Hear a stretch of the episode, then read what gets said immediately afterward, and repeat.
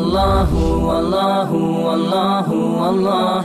الله والله والله Allah. الله والله والله Allah. Allahu, والله والله Allah. ذاك العظيم في علا من أبدع الكون سوى سبحان الله وبحمد الله ولا إله إلا الله. ذاك العظيم في علا من أبدع الكون سوى سبحان الله وبحمد الله.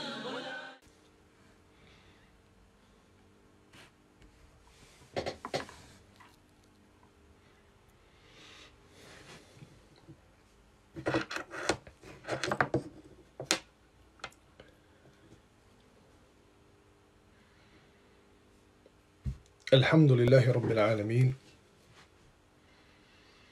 وأفضل الصلاة وأتم تسليم على نبينا محمد وعلى آله وصحبه أجمعين. اللهم علمنا ما ينفعنا وانفعنا بما علمتنا وزدنا علما يا كريم. Đalešanu se zahvalijemo, salavat i selam donosimo na Allahu poslanike, milenika Muhammeda sallallahu alaihi wa sallame, na njegovu porodicu, časne ashabe i sve vjernike i vjernice koji slijede u dobro sudnjega dana. Nastavljamo se družiti sa hadisom Allahov poslanika, alaihi salatu wasalam, iz knjige Edebul Mufred, knjige o Edebu, imama Buharije, rahimahullahu ta'ala. Moleći Allaha Đelešanohu na samom početku da nagradi ulemu hadisa najljepšom nagradom, onako kako gospodar nagrađuje subhanahu wa ta'ala. Jer su oni ostavili svoje živote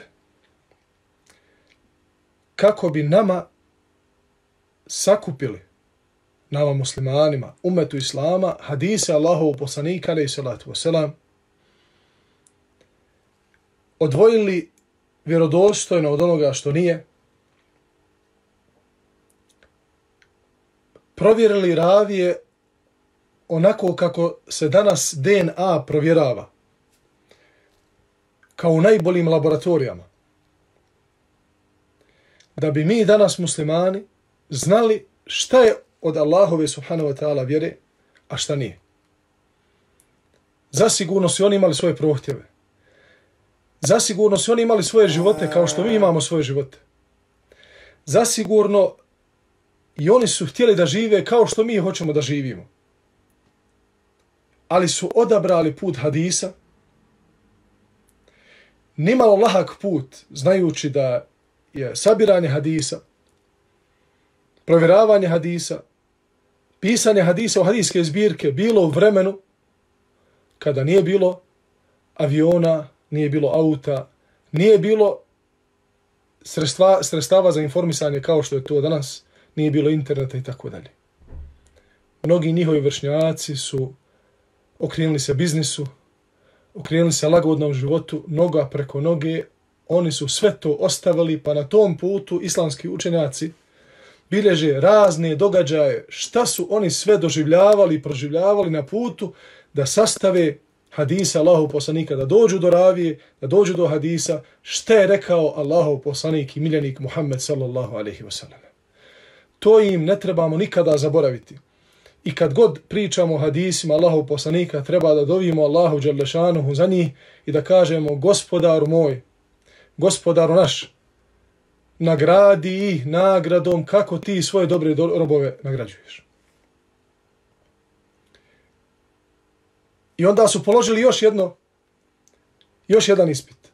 A to je onda kada su postali učenjaci i kada su naučili hadis i hadisku nauku i kada sabrali hadise, postali su poznati. Postali su toliko poznati da su čak i sultani i vladari htjeli njihovu blizinu. Pa su i to odbijali, odbijali su dunjaluk, odbijali su da budu blizu vladara, jer su znali na putu sticanja hadisa kroz razna iskušenja, kroz iskustva životna, kroz mudrosti koje su stekli od svojih šehova, čuli su od njih da blizina vladara, blizina sultana, blizina ogromnog dunjaluka čovjeka uvede u fitneluk, u iskušenje koje Allah najbolje zna, teško će moći da, da izdrži i da na tom iskušenju ne padne. Imam Buharija je naslovio naslov moliti za dug život. Od Ebul Hasana, štićenika Umul Qais, ona je bila kćerka Mihsana. Prenosi od Ummu Qais da je vjerovjesnik sallallahu alaihi wasallame za nju rekao, zar je molila za dug život? Ne znamo da je jedna žena duže živjela od nje. Ona je Allahu subhanahu wa ta'ala dovila da je Allah Đelešanuhu dadne dug život. Pa je Allah Đelešanuhu uslišao tu molbu. Da li musliman treba da Allahu dovi za dug život? Ili musliman treba da se nada kratkom životu i da moli Allaha Đalešanu da ga što prije uzme kako ne bi doživio određene belaje. Prenosi se od Allahov poslanika, alaih salatu wasalam, kao što je zabilježio imam i Tirmidhi u svome sunenu, a šehol Albani, rahimahullahu ta'ala, kaže za ovaj hadis da je vjerodostojan, kaže, hajrukum men tale umuruhu wa hasuna ameluhu. Najbolji od vas su oni kome Allah Đalešanu dadne dug život. A u tom dugom životu oni taj dug život iskoriste tako što uljepšaju svoja djela. Tako što rade hajr. Allahu poslanik alaih salatu wasalam je dovio za dug život onim ljudima koje je najviše volio. Od Enesa, Ibn Malika rahimahullahu ta, eh, radijallahu anhu. Danas se Malika radijallahu anhu se prenosi kana nabiju sallallahu alaihi wasalam jedhulu alejna ahle bejt. Da Allahu poslanik alaihi salatu wasalam znao često da ulazi kod Enesa radijallahu anhu. Jednoga dana dođe i zamoli Allaha za nas. Pa mu ummu Sulejm reče, zar nećeš zamoliti Allaha i za ovo tvoje malo slušće? Za Enesa radijallahu anhu za slugu Allahovog poslanika sallallahu alaihi wasallam koji je bio počašćen da je služio Allahov poslanika deset godina. Pa Allahov poslanik alaihi sallatu wasallam rekao gospodaru podari mu veliki metak. Odgovor onim muslimanima koji se pitaju da li musliman treba da ima imetak u, svo, u svome džepu, u svojim rukama, da li treba da radi, da zarađuje ili ne treba. Allahu poslanik jednom od naj omiljenijih ljudi u njegovom životu kaže za njega podari mu gospodaru veliki metak, brojno potomstvo, dug život i oprosti mu. Dug život i oprostimo. Kaže Enes, radi Allahu anhu, za mene od Allaha molio tri stvari. Do sada sam sahranio stotinu i troje od svojih ukućana. Toliko je dugo živio. Izrodio djecu. Pa i ta djeca, djecu, unučad, pa su neki umirali. Pa je sahranio od, svo, znači, od, svoje, od svog potomstva stotinu i troje.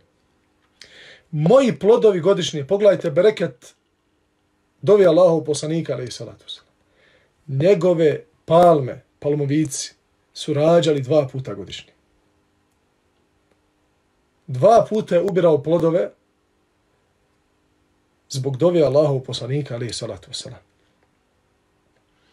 I toliko sam dugo živio da sam se počeo stideti ljudi, a Božijem oprostu se nada.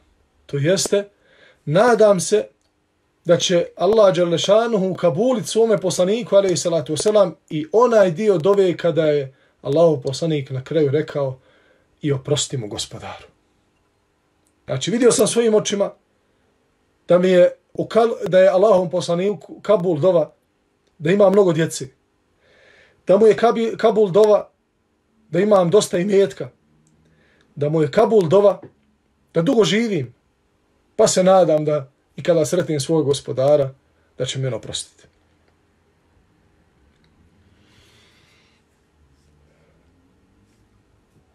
razlog javljanja na ovaj način i ovoga lajva jeste upravo ova nastala situacija. Inače bi mi se družili sada sa našim mladićima, sjedili zajedno i oni upale ovaj, ovaj live i na taj način i vi se družite sa nama i svojih kuća, radnih mjesta i tako dalje.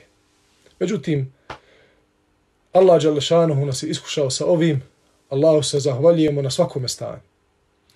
Pa, shodno tome, evo nam prilike da čujemo nekoliko hadisa koji će nam nešto reći o upravo ovom stanju u kojem se vjernik nalazi. Imam Buharija je naslovio Imam Buharija je naslovio naredni, znači, naredne hadise sa naslovom vjerniku će se dova uslišati. Sve dok ne počne požurivati. Vjerniku će se šta? Dove uslišavati sve dok ne bude počeo da požurije sa dovom. Kako će požurivati sa dovom? Od Ebu Horeira radijallahu anhu se prenosi da je poslanik sallallahu alaihi wasallam rekao Yustajabu li ahadikum ma lam ja'đal yaqulu da'autu falam yustajab li. Dove će vam se uslišavati neprestano. Sve dok ne, puče, ne počnete iz nestrpljivosti izgovarati o naredne riječi. Upućivao sam dove, ali mi nisu uslišani. Koliko puta dobijem poruku ili poziv, dovio sam Allahu Đalešanuhu da otkloni od mene to i to. Dovio sam Allahu Đalešanuhu da dobijem ovu stvar, treba mi u životu. Još nisam dobio, a još mi nije otklonjeno ono za što sam dovio, što me ezijeti. Dragi brate i poštovana sestra, dragi insanu, mudri Allah Đelešanohu, on jedini zna šta je dobro za nas na Dunjaluku i na Ahiretu. Otku znaš, možda upravo ona doba, koju ti Allah Đelešanohu neće ovoga trenutka kada mu doviš, neće ti je sada uslišati, ostavit će ti je na sudnjemu danu, upravo nju, možda upravo baš ta dova će ti biti potrebna da kada se izjednače tasovi na sudnjemu danu, da ta dova legne, da dođe, da se postavi na tas dobrih dijela, da prevagne i tada ćeš biti najsretnija osoba pod nebeskim svodom. I kada bi ti tada bilo rečeno, sjećaš se onog iskušenja i sjećaš li se dana kada si pomišljao i možda sa, sa svojim ukućanima dijelio taj razgovor i govorio zašto mi se ne Allah ne odazove na tu dovu pa bi se toga dana udario na sudnjemu danu čelo i rekao uh, što, što li sam pomislio loše u mome gospodaru zašto mi odgađa ovu dobu? Allahu poslanik alejhi salatu wasalam nas upozorava na ovo da Allah se neće odazvati u, u onoj situaciji kada čovjek kaže gospodaru daj, gospodaru odgnaj, gospodaru i onda spusti ruke, prođe nekoliko dana, prođe neko vrijeme i kaže zašto mi Allah ne ispunjava moje dove. To je pokuđeno da se da se kaže.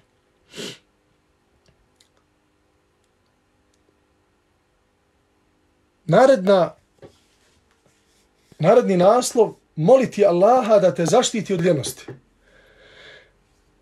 E, ovaj naslov je također pravo aktuelan. Pravo aktuelan. Od Amra ibn Asa se prenosi da je vjerovjesnik sallallahu alaihi wasallam rekao Allahu poslanik je znači često znao šta? U svojim dovama da spominje ove riječi. Gospodaru, Allahumma inni a'udhu bika min al-kasali wal maghrami. Allahu moj, utičem ti se od ljenosti i duga. Pogledajte kako je mudro Allahu poslanik sastavio ljenost i dug. Zašto ljenost i dug? Ljenost, ako je čovjek lijen, neće zarad. Ako neće zarad, neće imat, a mora da troši, uzajemit od nekoga. I onda njegov nastavak ljenosti proizvešće da će ulaziti samo iz jednog duga u drugi dug. Jer neće dovoljno zaraditi da vrati prvi dug. Pa će uzeti drugi dug da vrati, pa će na taj način zagorčati ovo dunjalučki život. Jer nema teže brige od dugovanja. Nema teže brige od dugovanja. A da sada ne govorimo o onoj vrsti dugovanja koja je haram u islamu. A to je bankovno kamac, kamatsko dugovanje. U koje se upustila čak i velika skupina muslimana. Čak možda radi određenih fetvi i tako pa shvatili na, na pogrešan način i onda su uzeli kamatne kredite. Pogledajte kakva je situacija trenutno. Pogledajte kakva je situacija trenutno. Ko sada ima kamatni kredit, zna koliko glava boli i zna kako je duga noć. El keselu on magram. Lijenost i dugovanje. Nakon toga dolaze dvije dove Allahov poslanika, ali salatu selam, koje se tiče, ovo je dunjaluk. Allahov poslanik se utiče Allahu od ljenosti i od duga. Zašto? Da ga Allah marljivim učini i da otkloni od njega dug, to jest da ima dovoljno sredstava da može da podmiri svoju porodcu bez da se zadužuje. Bez da se zadužuje kako bi njegov ovodunjalučki život bio miran. Jer nas Islam uči da živimo lijep ovaj svijet kao što priželjkujemo ljepotu onoga svijeta. Rabbena atina fi dunja hasana u fil ahirati hasana u qina azaban nar. Gospodaru naš, daj nam lijep život na ovome svijetu i daj nam lijep život na onome svijetu i sačuva nas džahnemske vatre. Zato što je Islam objedinio između hajra i dobra ovoga svijeta i dobra onoga svijeta. I nije od islamskog učenja da čovjek kaže gospodaru moj, daj mi ljepotu onoga svijeta na ovome svijetu kako da, da mi bude. To nije od islama. Niti nas Kur'an uči tome, a niti nas hadis Allahov poslanika, ali salatu selam, uči tome, niti nas prve generacije i muslimani koji treba slijediti u dobru, uče takvom načinu i shvatanju islama. Dalje ide dova. Wa a'udhu bika min fitnati al-masih ad-dajjal. Dajjal koji će biti najveće iskušenje čovječanstvu prije samog nastupanja sudnjega dana. Allahu poslanik alejhi salatu vesselam se utiče Allahu subhanahu wa ta'ala od Masih ad-Dajjala. Zašto? Zašto se nakon ljenosti i nakon duga utiče Allahu dželle od Masih ad-Dajjala zato što je on najveće iskušenje za čovjekovu vjeru dolazit će vjernicima, dolazit će vjernicama i iskušavat će ih u njegovoj, njihovoj vjeri. Sve dok njihova vjera ne bude otpadala od njih kao što biserje otpada sa ogrlici. Wa بِكَ bika min النَّارِ nar. I utičem ti se gospodaru od tvoje konačne kazne. A to je džahenemska vatra, wala ijadu billah.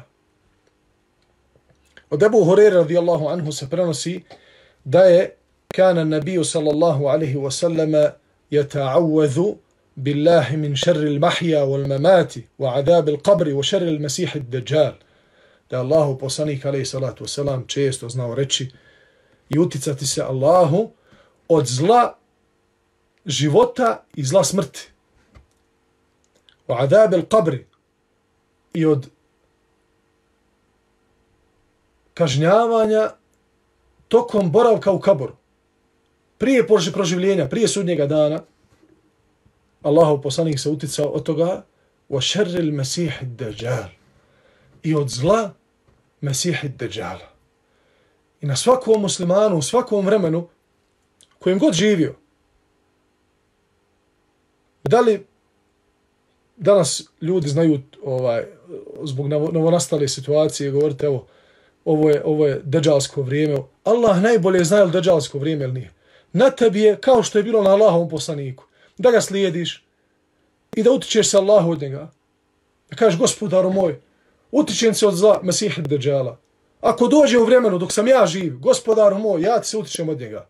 Ako ne dođe, gospodaru moj, u Kabuli moje dove, ja sam ti se obraćao kao tvoj slabašni rob, tražio od tebe zaštitu, pa u Kabuli moju slabost i u Kabuli to što sam tebe veličanstvenog smatrao jedino kadrim, znači da, je, da si jedini ti kadar da me možeš sačuvati tog, tog iskušenja. To je veliki ibadet jer je Allah poslanih sallallahu alaihi wasallam kao što je došlo vjerodostojno rekao ed du'a'u huwa l'ibada. Dova je ibadet. Samim time što digneš ruke Allahu, samim time što padneš na, sež, na seždu i doviš, samim time što hodaš, sjediš, ležiš i gospodaru moj govoriš oprosti mi, smiluj mi se, olakšaj mi. Samim time činiš ibadet. A ne dižeš ništa teško, niti ideš preko planina, niti hodiš glada, niti žedan.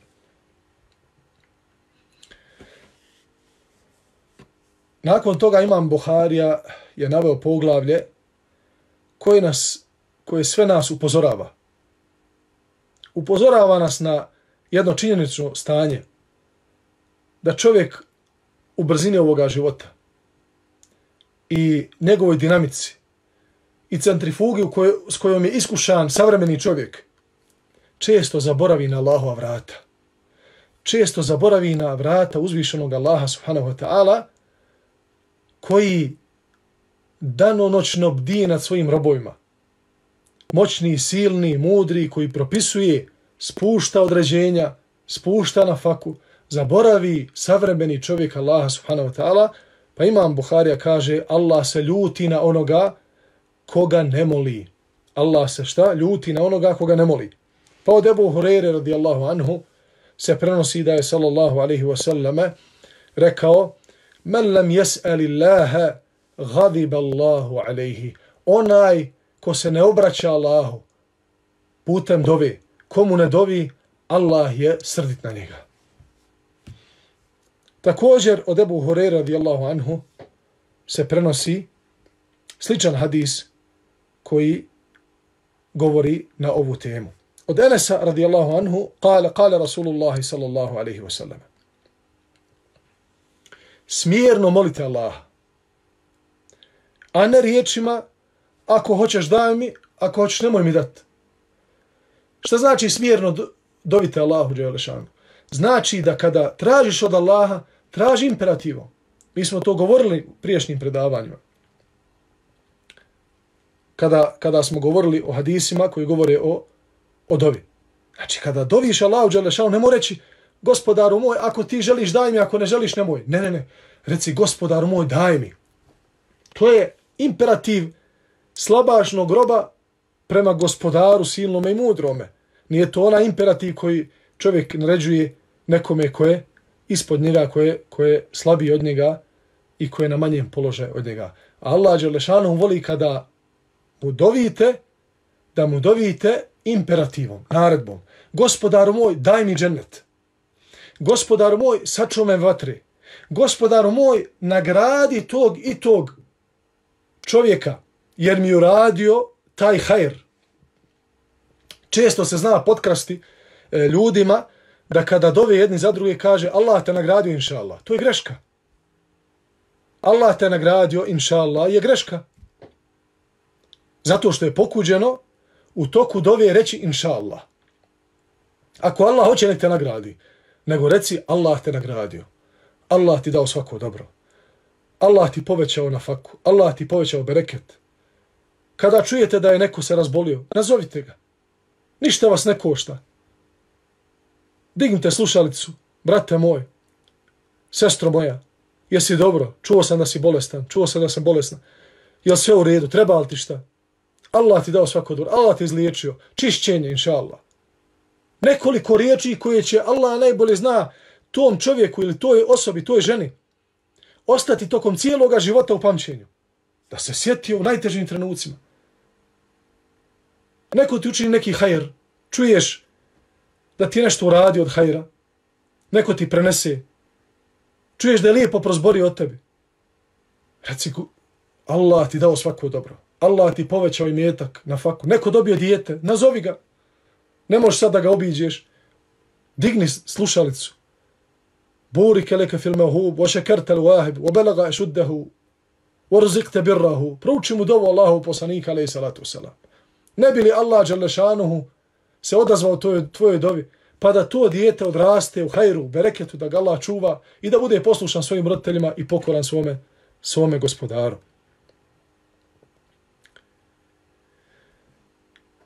I završit ćemo s jednim hadisom koji je, inša Allah, ta'ala, dovoljan da sačuva čovjeka od svakog zla koji se nalazi van, van kućnog praga. Mnogi šerovi, mnogo zlo se nalazi van kućnog praga. Allahu poslanik alaih salatu selam nas je podučio šta znači dova kada se izlazi iz kuće. Pa od Osmana, radijallahu anhu, se prenosi da je Allahu poslanik sallallahu alaihi sellem rekao ko svako jutro i predvečerje, predvečerje znači prije akšama, islamski učenjaci kada su govorili o jutarnjem večernjem zikru, kažu da je najbolje vrijeme za jutarnji večerni zikr, za jutarnji zikr najbolje vrijeme od posle klanjanja sabaha namaza pa sve do izlaza sunca. A ako čovjek ne bi stigao do izlaza sunca da prouči jutarni zikr, inša Allah ta'ala nema smetnje da ga prouči nakon izlaza sunca kao što je rekao Imam Šaukani i ostali islamski učenjaci koji su odabrali ovo, ovo mišljenje. A što se tiče večernjeg zikra, večerni zikr se uči od ikindije namaza, a najbolje, najbolje ga je učiti pred sami akšam. Znači prije na pola sata, sat, nastupanja akšamskog namaza, zato što se šeitani puštaju, i silazi iz brda u gradove i u sela, upravo u akšamsko doba i tada čovjek već treba da bude šta zaštićen, zaštićen od tog zla i ostali zala koji se nalaze van kućnog praga. Pa kaže Allah poslani, ko svako jutro i predvečer tri puta kaže Bismillahi la yadurru ma'asmihi še'un fil ardi wala fis samai wa huwa as-sami'ul alim. Ko prouči ovu dovu, a ona znači u ime Allaha s čim imenom ništa ne može naštetiti ni na zemlji, ni na nebesima, on sve čuje i sve zna.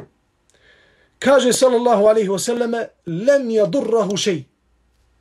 Ko ovo prouči, ne može mu se ništa loše desiti.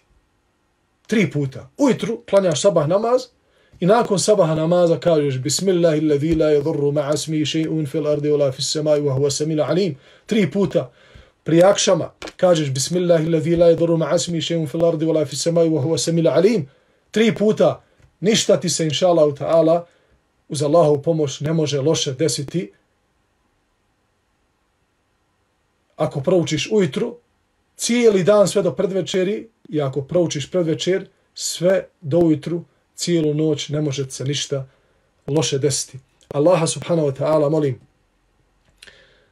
da ukabuli naše ibadete, da nam se smiluje, da otkloni od nas svaki belaj. Molim Allaha Đerlešanu da izliječi one koji su bolesni. Da sačuva zdrave od bolesti koje može nauditi.